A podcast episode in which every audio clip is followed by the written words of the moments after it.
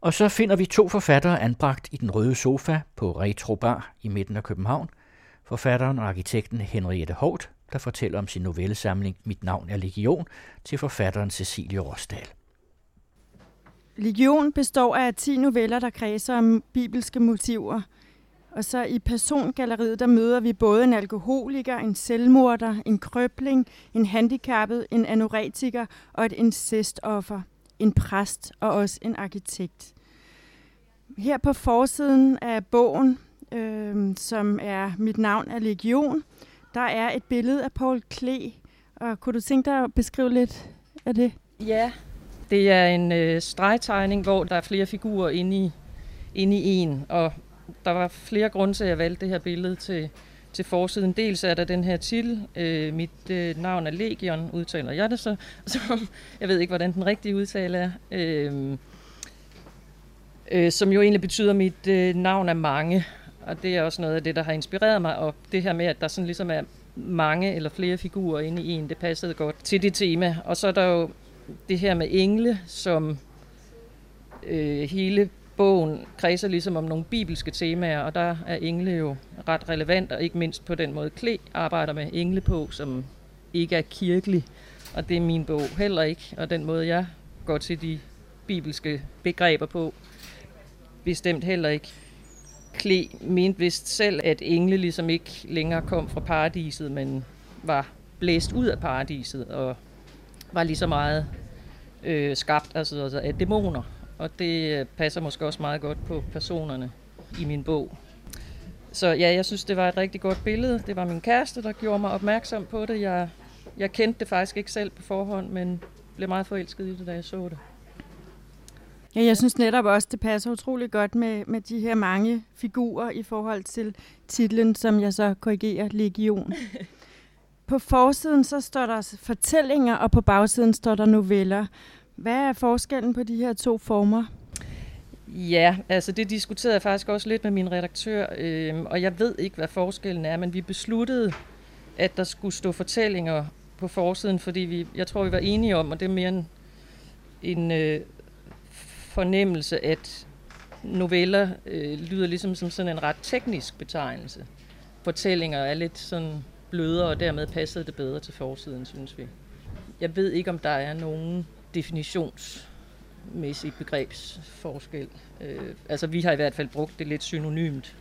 Ja, fordi øh, inden i bogen, der bliver fortalt, at det er fortællinger, som folk fortæller om sig selv, hvor man kan sige, det sådan formmæssigt, så, så passer det til noveller.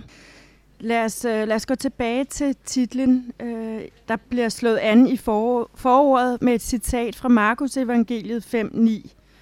Og han spurgte ham, hvad er dit navn? Han svarede ham, Legion er mit navn, for vi er mange. Og nu har vi allerede talt lidt om titlen. Den første øh, novelle i bogen, den refererer også til den her titel. Kan du prøve at fortælle lidt om det? Ja, jeg havde længe kigget på det her citat, uden egentlig at vide, øh, altså det her bibelcitat, øh, hvad det stammede fra. Men det, der fascinerede mig, var det her med, at som der er jo også sådan et clash i selve citatet. Altså, mit navn er legion, for vi er mange, så skifter det lige pludselig. Altså, det er som om, øh, jeg og vi bliver det samme. Altså, at man som en person kan være flere. Det fascinerede mig ret meget, også sprogligt, hvordan det her citat, det ligesom knytter ental og flertal sådan sammen i en, i en blanding. Ja, så går det igen i den her første tekst, som hedder altså, Den jeg er, øh, som jo også er sådan et berømt bibel bibelcitat, hvor den så slutter i stedet med øh, at sige, altså, altså dem jeg er, jeg er dem jeg er, som vi måske kommer lidt nærmere ind på, når vi snakker om historien, det ved jeg ikke. Ja, det tænker jeg. Ja. Øhm, jeg vil gerne lige først lige tale med dig om en af novellerne, hvor der er en kvinde, der aldrig har interesseret sig for at gå i kirke, Ja. Øh, men så flytter hun til Rusland og bliver enormt fascineret af den russisk-ortodoxe kirke. Så jeg tænker, hvis du starter med at læse på side 181 ja. omkring øh, forståelse. Og i øvrigt kan jeg sige, at det bliver sådan en lidt sjov måde at gå i kirke på, det næste citat også, du kommer til at læse. Ja. Øh, ja, det er den her kvinde, der skriver dagbog, øh, og, ja, og her skriver hun så om det her med den russiske ortodoxe kirke. Forståelse er i det hele taget ikke en, ikke en del af konceptet her. Russerne forstår efter sigende heller ingenting, eftersom det hele foregår på et eller andet længst uddødt oldkirkeligt sprog, som ingen almindelige mennesker kender. Måske er det det, jeg godt kan lide ved den ortodoxe liturgi, at den har taget konsekvensen, så at sige, af at alt det med Gud og ånd er mystisk. I stedet for at klamre sig sådan til forstanden, for at få glattet buklerne ud, i stedet for hele tiden at forsøge at udligne og pacificere Bibelens selvmodsigelse, alle dens åbenlyse urimeligheder.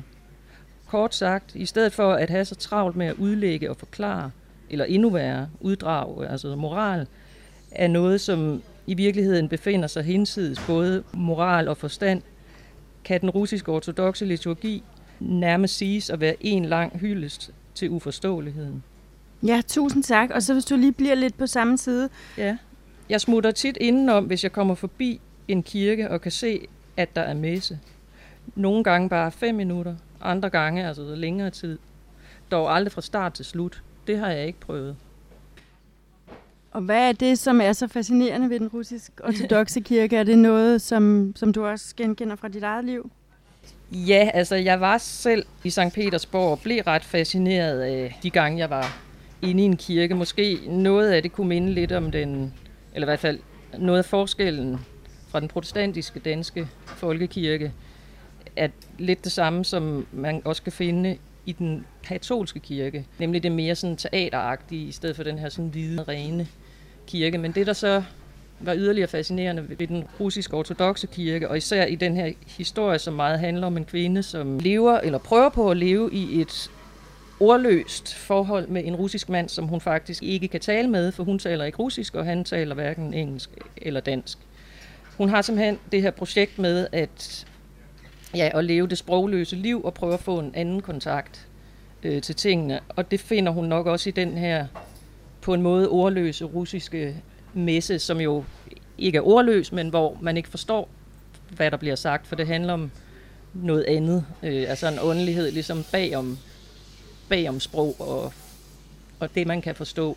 Så på en eller anden måde hænger det meget sammen med hendes projekt, hvis man kan kalde det det, som, eller hendes fascination af det her med ja, det ordløse univers. Og i det her ordløse univers, så kommer der også sådan nogle sjove scener, blandt andet med en, øh, en kvinde, som kommer ind i kirken, hvis du vil læse. Ja, det er noget, hun har oplevet til en af de her altså, gudstjenester, hun har været til. Hun kom ind under gudstjenesten. I stor hast havde man indtryk af, eller stor nød. Hun havde kun en vindjakke på, selvom det var midt om vinteren. Der var noget vildt, desperat og samtidig målrettet over hende. Hun styrede direkte hen mod en af ikonerne, og pludselig havde hun lagt sig foran den. Lå bare der på gulvet og blev liggende sådan, med ansigtet i gulvet og armene ud til siden, som et menneskekors. Og folk lod hende ligge, trådte varsomt udenom hende, ikke af ligegyldighed eller fejhed, men i respekt var min klare fornemmelse. En form for stiltigende, indforstået deltagelse. Det bliver jo sådan et grotesk billede, og jeg tænker, det er måske også noget af det, som man kan være fascineret af. Altså det her, den her plads til at ville lade sig rive med af sin passion, eller sin tro så meget, så man lægger sig ned på gulvet. Ja, altså det var i hvert fald en anden ting, som jeg selv synes var fascinerende ved den russiske øh, messe. Det her med, at den virkede i forhold til en dansk gudstjeneste, der virkede den meget rodet. Altså folk ligesom sådan kom og gik, og gik rundt i rummet, og, ja, og kunne lægge sig ned, og Ja, altså man kunne sådan føle det meget stift øh, i den danske folkekirke, som man sidder på de her kirkebænke og er der fra start til slut, og, og sådan virkede det ikke, som om den russiske kirke fungerede. Altså det der også med, at hun, at hun aldrig er der fra start til slut, fordi det virkede det sådan set som om, at der nærmest ingen der var. Altså man kom og gik ligesom. Og det var i, i hvert fald en meget stor forskel. Nu er der jo sådan nogle øh, tiltag også her i, øh, i København i hvert fald med, med natkirken for eksempel, hvor man kan komme ind og ud. Hvordan ja. tænker du øh, sådan en kirke i forhold til, til sådan en kirke her? Nu har jeg ikke været der, men det jeg forstår, eller det jeg hvad hedder det, forestiller mig, det handler om, er måske, er måske lidt mere af det samme, fordi der, så vidt jeg ved, foregår der heller ikke en sådan gudstjeneste som sådan, men handler mere om, at folk ligesom bare er der, måske finder en eller anden stillhed, eller ja. Så synes du, det er godt? Altså, der er også for eksempel sådan en kirke øh, på Nørrebro, hvor jeg har været inde, hvor der var, øh, hvor der var laserlys, og der blev digte, og der var sådan en kunstinstallation. Hvad, hvad tænker du om sådan en slags måde at gå i kirke på? Uh, øh, jamen, jeg tror, at jeg synes, det er fint, at man prøver at hvad hedder det, få fat i den der åndelighed, eller hvad man nu skal kalde det, på andre måder. Så hvis vi går tilbage til Bibelen, så hvad betyder Bibelen for dig i den litterære proces med at skrive en bog? Er det sådan en, øh, en nyfortolkning af Bibelen, eller handler det mere om, om bredere om, om eksistens? Ja, der vil jeg klart sige, at det sidste, øh, altså jeg er jo ikke teolog, og har heller ikke interesseret mig for det på den måde. Jeg vil ikke bedrive altså, altså Bibel eksegese, det er vist ikke den rette til. Altså min interesse for Bibel og kristendom og Gud og tro har været klart altså eksistentiel karakter. Øh, jeg var meget optaget af, af de her spørgsmål i nogle år, altså mens jeg skrev bogen, eller ja, det var vel det, der satte mig i gang med den. Altså ud fra en tvivlende udgangspunkt. Men jeg synes, det var interessant, og jeg synes, Bibelen har så mange, eller den har sådan en eksistentiel altså dybde, så man på en eller anden måde ikke kommer udenom dens dens temaer, som jeg synes kunne være... Øh, jeg havde en interesse i at se, jamen, hvis de skal give mening, altså der er rigtig mange ord, som, som jeg havde det svært med, altså himmerige og det evige liv og arvesynd, og som i hvert fald nogle kirkefolk, de sådan ligesom bare slynger om sig med, som om det var helt almindelige ting, hvor jeg tænker, hvad, hvad er det, vi skal forstå ved de her begreber? Og hvis de skal give mening for os moderne mennesker, hvordan kan man så forstå dem ind i en helt almindelig sekulær, altså hverdag.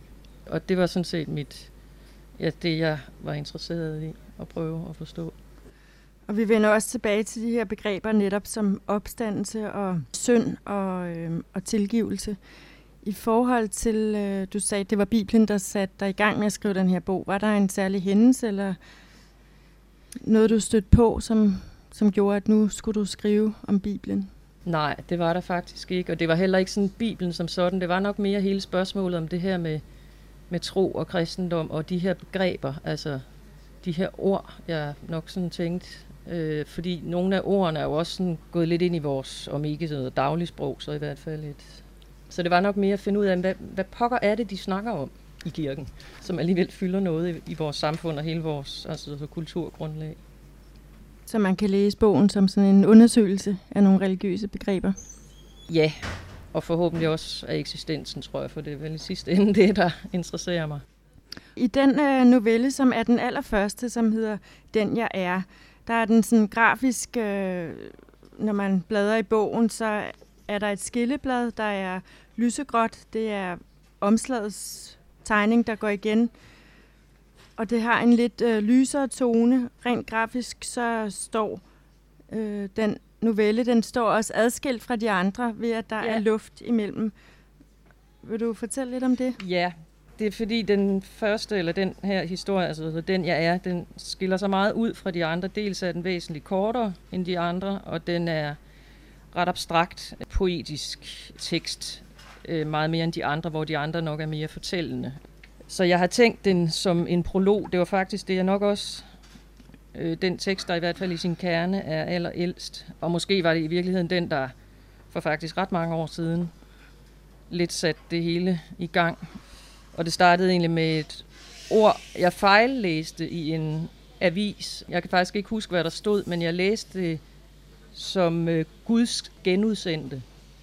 Det var ikke det, der stod. Og det tænkte jeg var Guds genudsendte. Det synes jeg var et fantastisk begreb. Og så begyndte jeg at overveje okay. det. Det var faktisk før, jeg sådan fik den helt store interesse for det her med kristendom og tro. Og så begyndte jeg at lege med, hvem, hvem kan sådan en være? Sådan en guds, altså genudsendte. Og det var faktisk på den baggrund, jeg begyndte at skrive den her lille tekst, øh, som også hed det i starten. Nu den så kommet til at hedde, hedde Den jeg er. Så jeg tror, det her jeg, der er i den tekst, det tænkte jeg nok som, det kunne måske være sådan en sådan Guds genudsendte.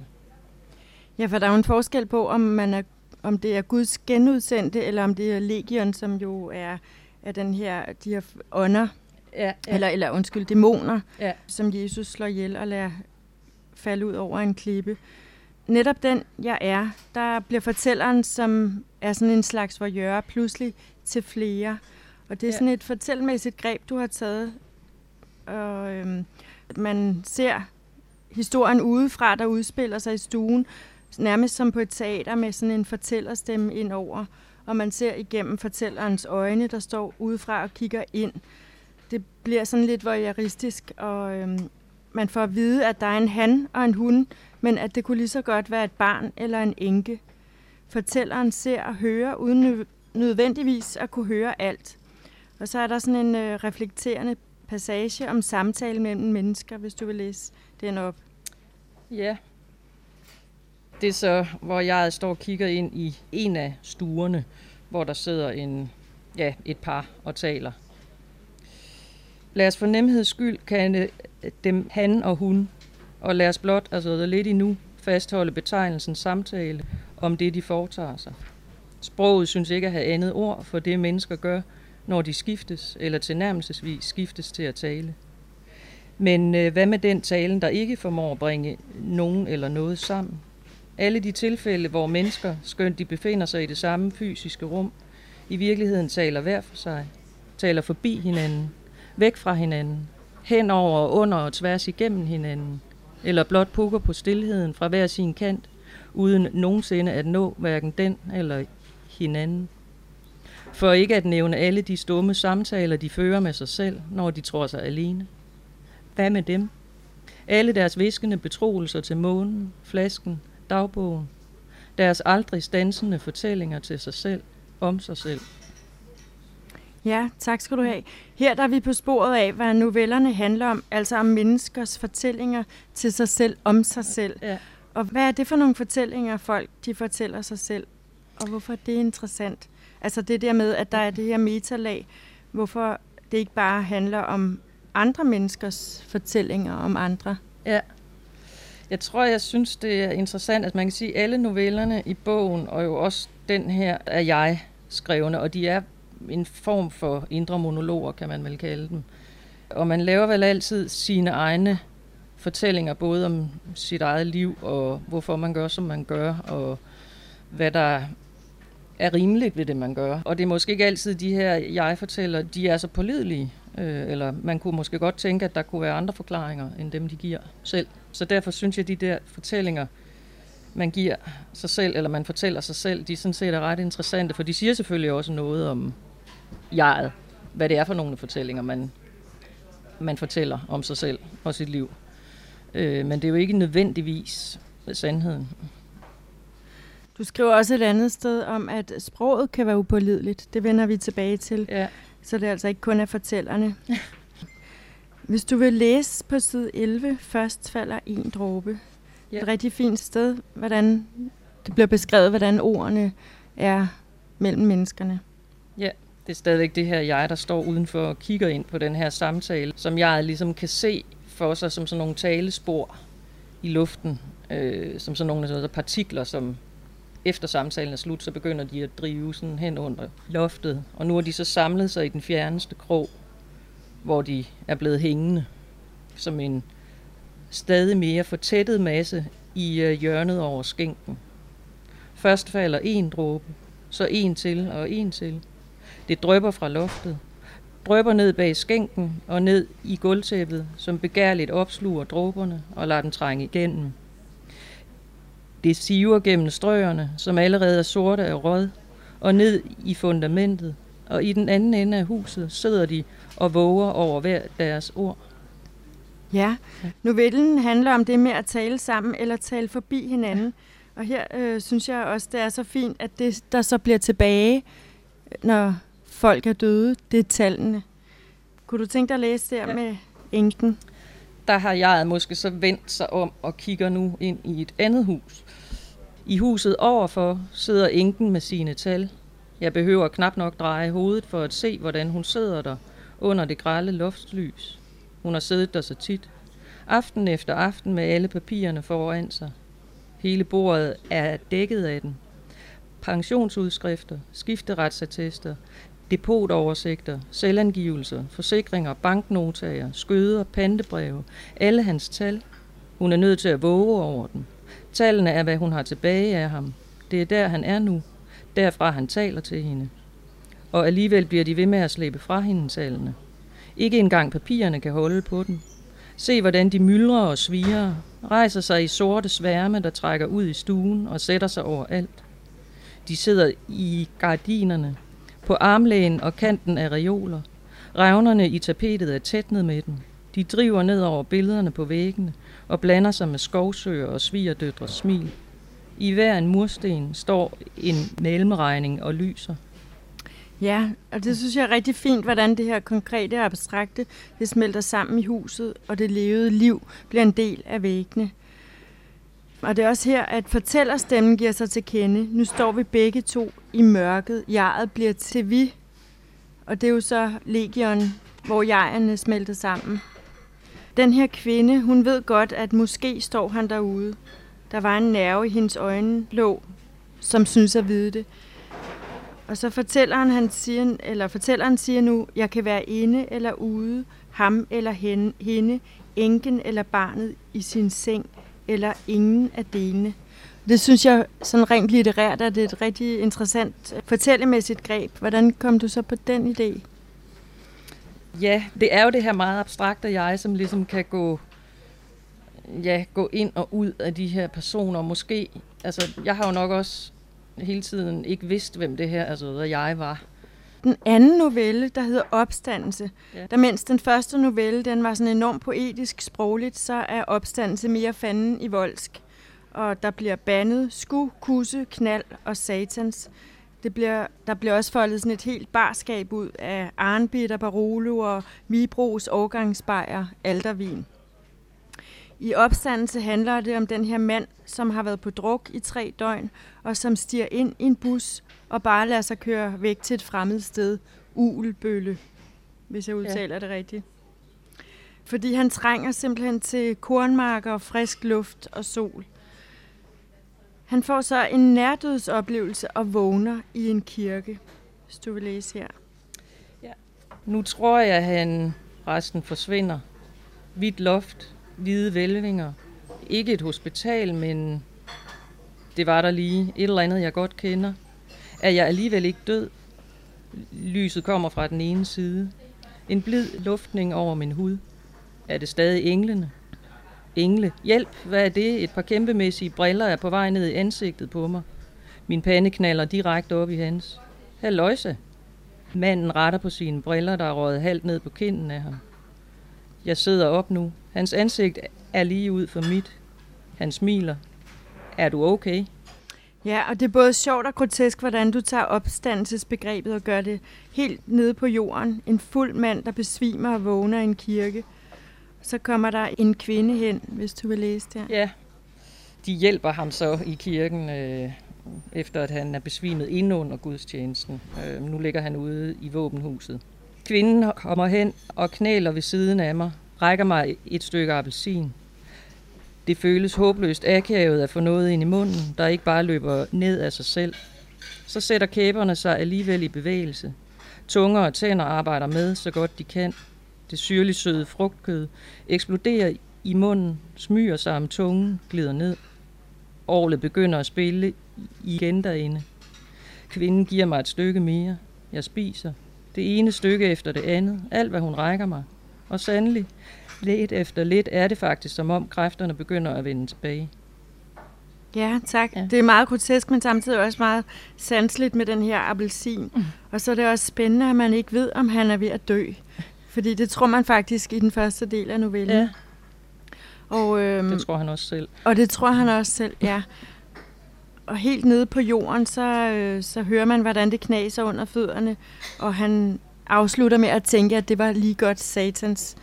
Øhm, her bruger du så igen et banord som kontrast til den her mere sakrale oplevelse, og vi bliver som læser bragt helt ned på jorden, og tænker, at, at sådan et begreb som opstandelse, at det, det også kan have sådan en hverdagsbetydning, at man nogle gange får en chance til, eller, eller kan have en oplevelse af, at livet er ved at forsvinde væk for en. Ja.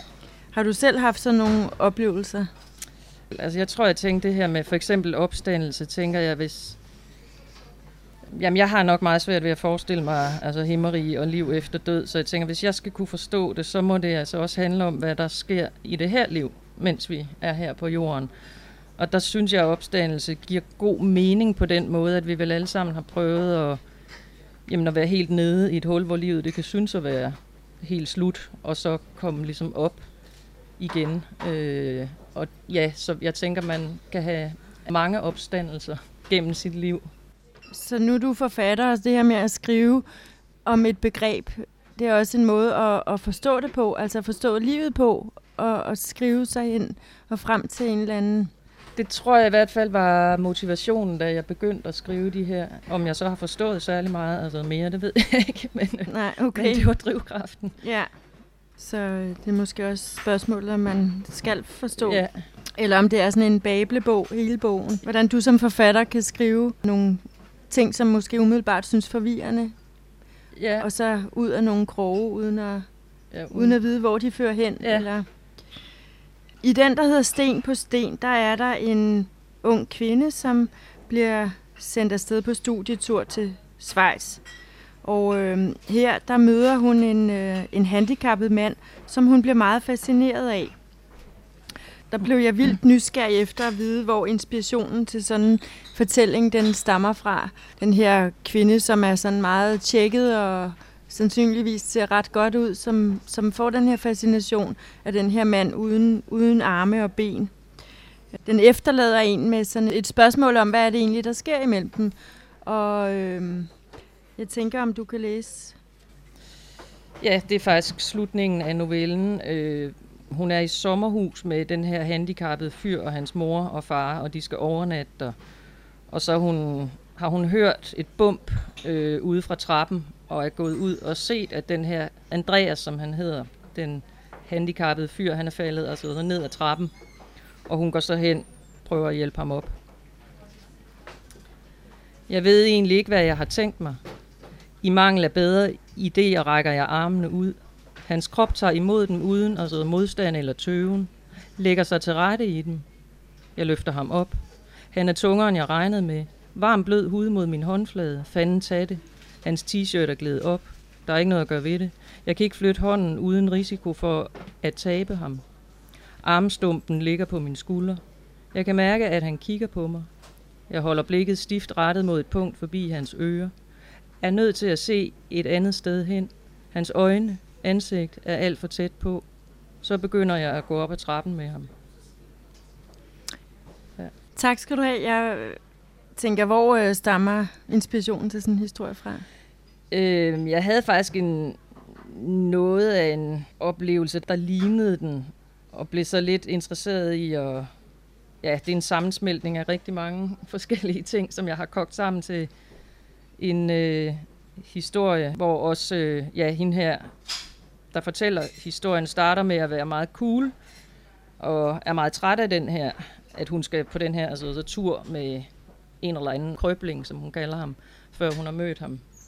Men jeg bliver jo så nok overrasket over, at han ikke bare er en krøbling, men faktisk et menneske, som hun ovenikøbet bliver fascineret af, ja. til sin egen store forvirring. Og han sidder bare i den der kørestol og er faktisk øh, arkitekt, men... Ja, ligesom hende selv er ligesom, i. Ja, ja. Så, så de deler den her verden, og, øh, og det er jo meget smukt, men også rigtig ulykkeligt, fordi hun, hun har en hel masse tanker om, hvordan det vil være at få et knus af ham. Ja, men han uden har arme. Ikke, uden arme, ja. og, og hvordan det vil være. Og så tænker hun længere, men må stoppe sig selv, øh, censurere sig selv, fordi ja. hvordan kan hun tænke på at have være intim med sådan et menneske? Ja. Det synes jeg er rigtig øh, meget smukt og rørende, og man kunne godt ønske sig nogle flere historier, der handlede om, om sådan nogle møder ja. mellem mennesker. I novellen Størst af alt, der øh, hører vi om en præst, der har et krucifiks og en børnetegning i kælderen, men man ved ikke, hvad der er sket med de her børn, og det er virkelig en uhyggelig historie. Hvis du bare læser en lille passage Ja, altså han har dels det her billede af sine børn stående i kælderen sammen med et krucifiks. Og det synes jeg er lidt uhyggeligt, øh, og forstår ikke, hvorfor han har det hængende som sådan et tableau. Et andet sted i huset har han så et ikon, en lille altså et ikonbillede hængende. Han var svær at få øjenkontakt med. Det er altså præsten i huset.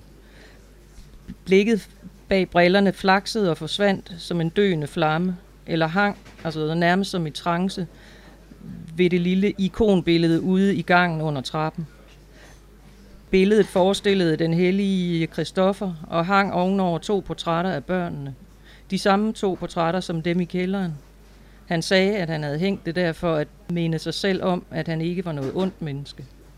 Ja, han havde hængt det der for at minde sig selv om, at han ikke var noget ondt menneske. Det er virkelig uhyggeligt.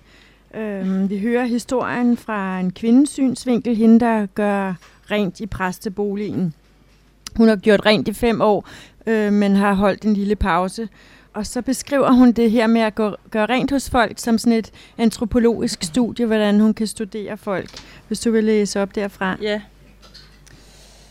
At gøre rent hos folk var en øh, legitim øh, måde at komme ind i øh, nogle af de huse på, jeg ellers ikke havde adgang til. Ligesom der kræves visse redskaber til at gøre rent. Støvsuger, spande, klude og den slags. På samme måde var min krops evne til at håndtere disse redskaber, og det arbejde, der kunne udføres ved hjælp af den, selv blot et redskab til at kunne beskæftige mig med det, der i virkeligheden optog mig. At få indblik i andre menneskers liv. Det var en slags antropologisk feltarbejde, drevet af den på en gang åbenlyse og halvt fordækte fascination, altså mennesker alle dage har haft ved at studere sine artsfælder. Og når sandheden skal frem, ikke så lidt mere dragende end det antropologispeciale om hjemkonstruktioner blandt hjemløse, jeg havde skulle forestille at arbejde på de sidste seks år. Det her fik jeg ovenikøbet penge for. Ja. Du har en evne til at lade fortællingerne slutte med en vis åbenhed, men hvad er det titlen, den betyder her? Størst af alt. Ja, altså historien den starter jo sådan set også med, at han elskede sine børn. Selvfølgelig gjorde han det. Den henviser vel til den her præst, som jo, og det må vel være Bibelens, øh, hvad hedder det, der kernebudskab, at størst af alt altså, altså er kærligheden, og det skulle være det, sådan en præst stod for. Ja. Men han viser sig jo i historien øh, som en ret dæmonisk figur, kan man vel godt kalde ham. Ja. Og man kan være i tvivl, eller der er sådan i historien sådan lidt en tvivl om, hvad det er med de her børn. Mm. Øh, hende, der går rent, har aldrig set de børn. Mm. Og tvivler måske lidt på, at de overhovedet findes, og hvorfor hænger billederne af dem sammen med et krucifiks nede i hans arbejdsrum, altså, altså i kælderen. Så titlen er måske lidt ironisk. Ja, for han er jo også fuld af vrede, og Ja. han vrænger også af ordet næstekærlighed, og siger, at, øh, eller han tænker, at øh, i virkeligheden så er det moderne menneske øh, overfladisk og interesserer sig ikke for andre end sig selv. Ja. At den her præst, er det noget, du har hentet fra virkeligheden, nogle historier?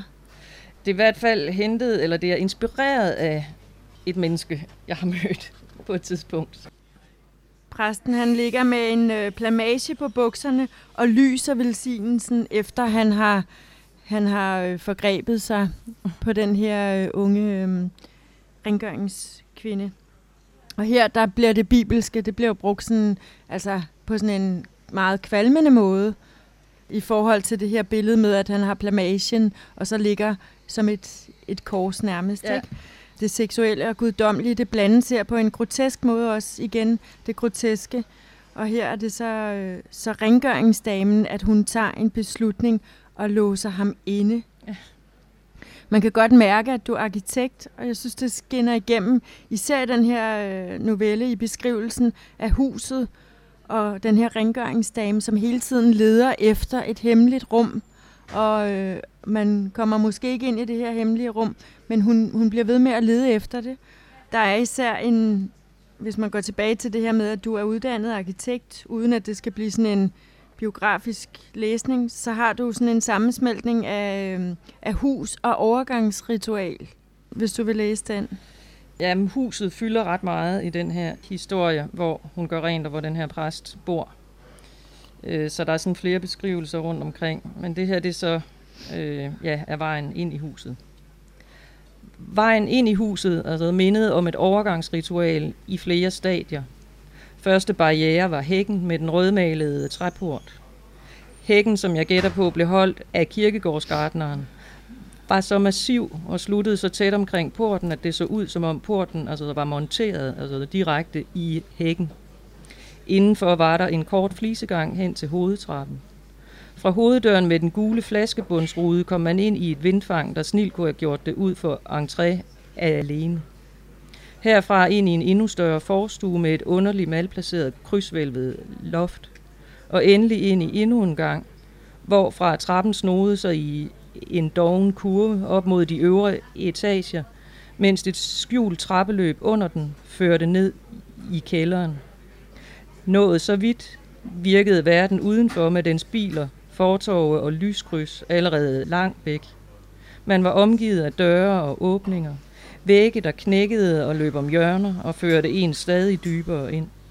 Okay, jeg tror, jeg tror, det er den novelle, jeg bedst kan lide i ja. samlingen, fordi den både har det her meget, meget øh, uhyggelige, og så de her beskrivelser af huset. Ja, den kan jeg i hvert fald varmt anbefale. Og øhm, i det evige liv, som er den næste novelle i samlingen, der øh, bliver man også vidne til noget, der er meget forfærdeligt. Der er sket noget i den her historie. Den hedder Det evige liv og handler om en læge, der hedder Johannes. Hvordan har du brugt øh, navnet Johannes? Jeg tænker, at det ikke er tilfældigt. Ja, det er sjovt, fordi øh, jeg havde virkelig ikke tænkt på, at det var et bibelsk navn. Men øh, ja, det burde jeg jo have gjort, fordi det er, jo, det er jo ret oplagt. Men han er jo i hvert fald bestemt heller ikke nogen øh, apostel. Øh, Nej. I hvert fald ikke fra Gud. Øh, Øh, novellen den handler så om, om den her præst og den her kvinde, som er gift... Nej, undskyld, læge. Øh, læge. Ja, som er gift med den her læge. Og øh, hun har det her vidunderligt store hus med køkken, og øhm, der er det hele, og det hele er meget stort og perfekt. Hvis du vil læse fra... Ja. Ja, hun går øh, hjemme med et lille barn, øh, og det skal sådan set forestille at være i 60'erne, eller det er i hvert fald ikke sådan Øh, ja, så hun er sådan altså hjemmegående husmor. Vinduerne trænger til at blive pusset, kan jeg se. Der er også aftensmaden. Måske skulle jeg så småt begynde på den, inden Ida vågner. Vi skal have boller i kaj, havde jeg tænkt. Det kan både hun og Johannes godt lide. Personligt er jeg ikke så meget til kaj, men jeg kan godt spise det selvfølgelig. Når man først er mæt, er det jo ligegyldigt, hvad man har spist, ikke?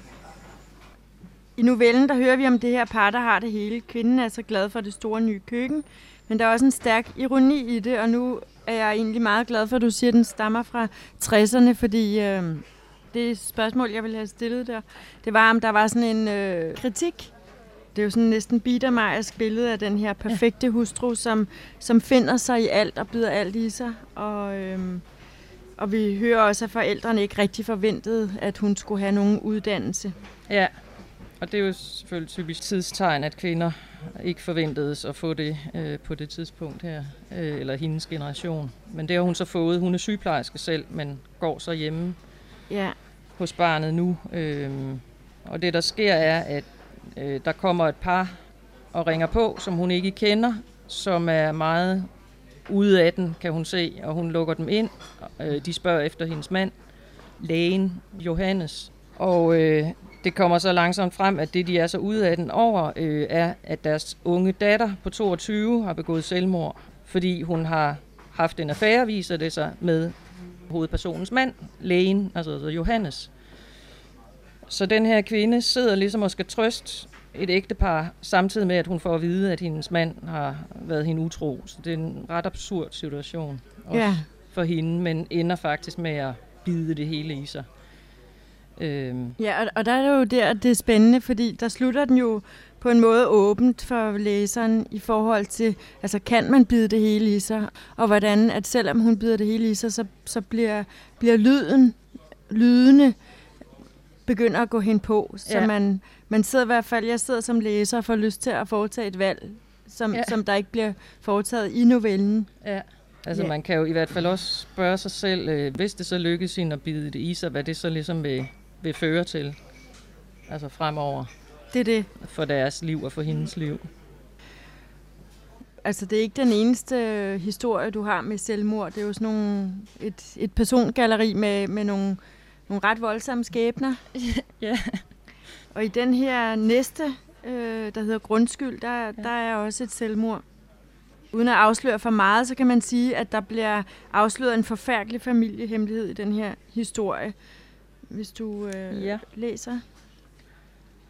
Scenen er øh, en ældre kvinde, der igen har sådan en slags indre monolog, eller hvis indre tanker vi hører, og hun sidder på en form for psykiatrisk hospital eller institution, og hvor hun så tænker på sin fortid.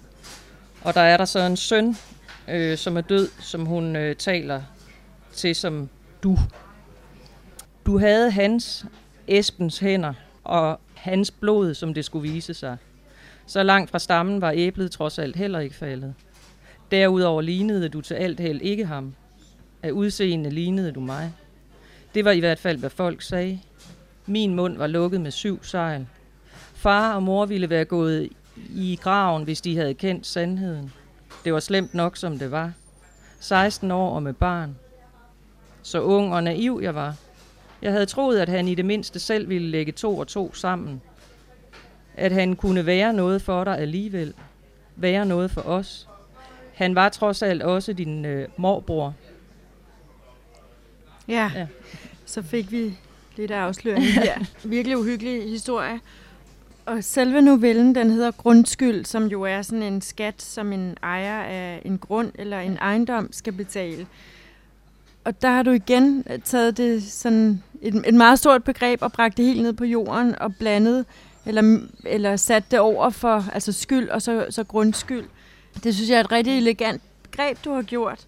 Hvad tanker har du gjort om det? Jamen, jeg tror, jeg synes, det var sjovt. Jeg tænkte selv, at for mig tænker jeg, altså, grundskyld må være lidt, eller i hvert fald i en betydning, kunne det være arvesynd.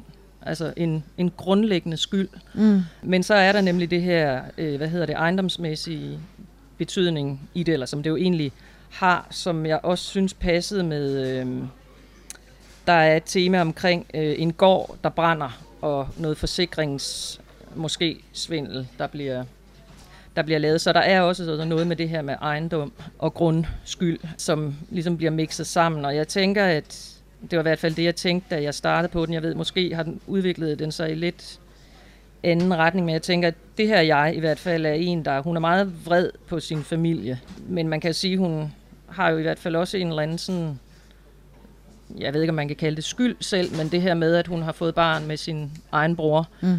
er, må jo i hvert fald være en ret central arvesynd på en eller anden måde, som hun, der er gået videre i hendes slægt, ja. som hun ligesom ikke uh, rigtig forholder sig til. Og måske det er derfor, hun sidder der, hvor hun gør? Ja, ja og det kan også være. Er ja. på psykiatrisk ja. afdeling. En øh, anden novelle, jeg gerne vil tale om, det er den, der hedder Af kød, som handler om en ung kvinde, der er taget til England efter gymnasiet for at tjene penge som sygeplejer. Og øh, det er meget detaljeret beskrevet, hvordan hun passer de her kødædende krater på folk. Hvis du vil læse lidt af det. Ja. Det er liggesår, der er tale om. Første gang, altså med Jonathan, en af mine første arbejdsdage, var jeg nær besvimet.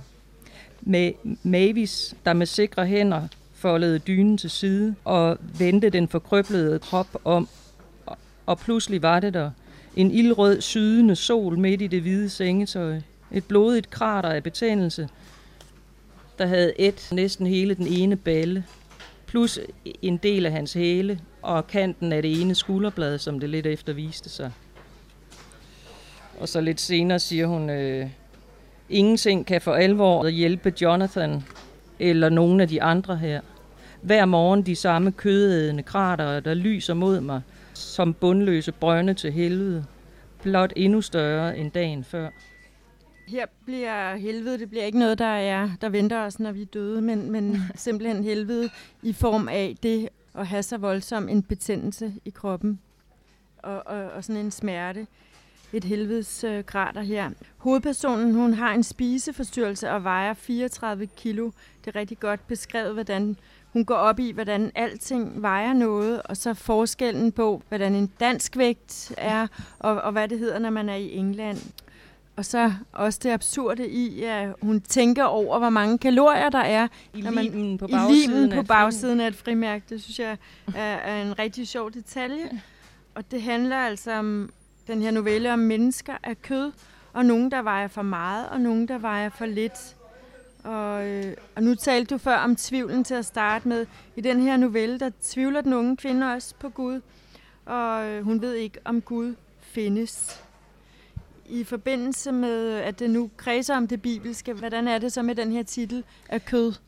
Altså, hun arbejder på et hjem øh, for nogle, der hedder handicappede, altså fysisk handicappede, og hvordan de egentlig sådan, det er jo, ja, altså, de er jo mennesker altså, af kød og blod alle sammen, og det er måske ligesom hun, altså, der kæmper med sit kød på sin måde, fordi hun vil tabe sig, så kæmper de her altså, handicappede i høj grad også med deres kød og deres krop. Så jeg synes, det var på en eller anden måde en sjov sammenstilling af forskellige måder, man kan kæmpe med det her kød på. Ja, ja. Jeg tror, jeg vil afslutte her med at tale øh, og spørge dig i forhold til den sidste novelle i bogen, der hedder Den dobbelte udgang. Der kan jeg virkelig godt lide slutningen, selvom man jo, jo ikke kan tale om en, en slutning på den måde, når det er en novellesamling, fordi man kan læse frem og tilbage. Men øh, i den dobbelte udgang, den er virkelig absurd og humoristisk, og handler om en mand, der ikke har set sin søn i 10 år, og derfor arrangerer sin egen begravelse. Øhm, så mit næste sidste spørgsmål, det er, hvad betyder humor for dig? Jamen, det betyder jo nok, øh, eller ja, det betyder meget, altså i hvert fald også, når jeg læser selv. Øh, altså, jeg kan jo godt lide noget, jeg, jeg synes er morsomt. Jeg er selvfølgelig glad for, at, at der også er nogen, der synes, det er morsomt. Det, altså, så noget af det, jeg har skrevet her. Øhm, der var en af anmeldelserne af bogen, der synes, det var mørke tema, og det kan man jo også sige, det er. Du har jo også selv været inde på, at det, ja, der er også så voldsomme ting, der foregår.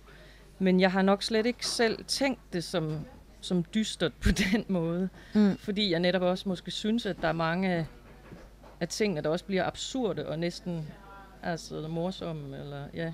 Ironiske? Ja, ja. Eller sort, øh, ja, sort, sort, humor. sort, sort humoristisk på ja. en eller anden måde. Men det er vel også det, litteraturen kan, altså at, at tage noget, der er meget voldsomt, og, og lave nogle greb, som er humoristiske, for at man, man kan holde det ud. Holde det ud ikke? ja. Øhm, ja, men jeg vil sige tusind tak, fordi du vil komme her i den røde sofa. Og, øhm, tak for at blive inviteret. God skrivelyst. Ja, tak. I hørte forfatteren Henriette Hort fortælle om sin novellesamling Mit navn er Legion. Hun sad i den røde sofa på Retro Bar sammen med Cecilie Rosdal.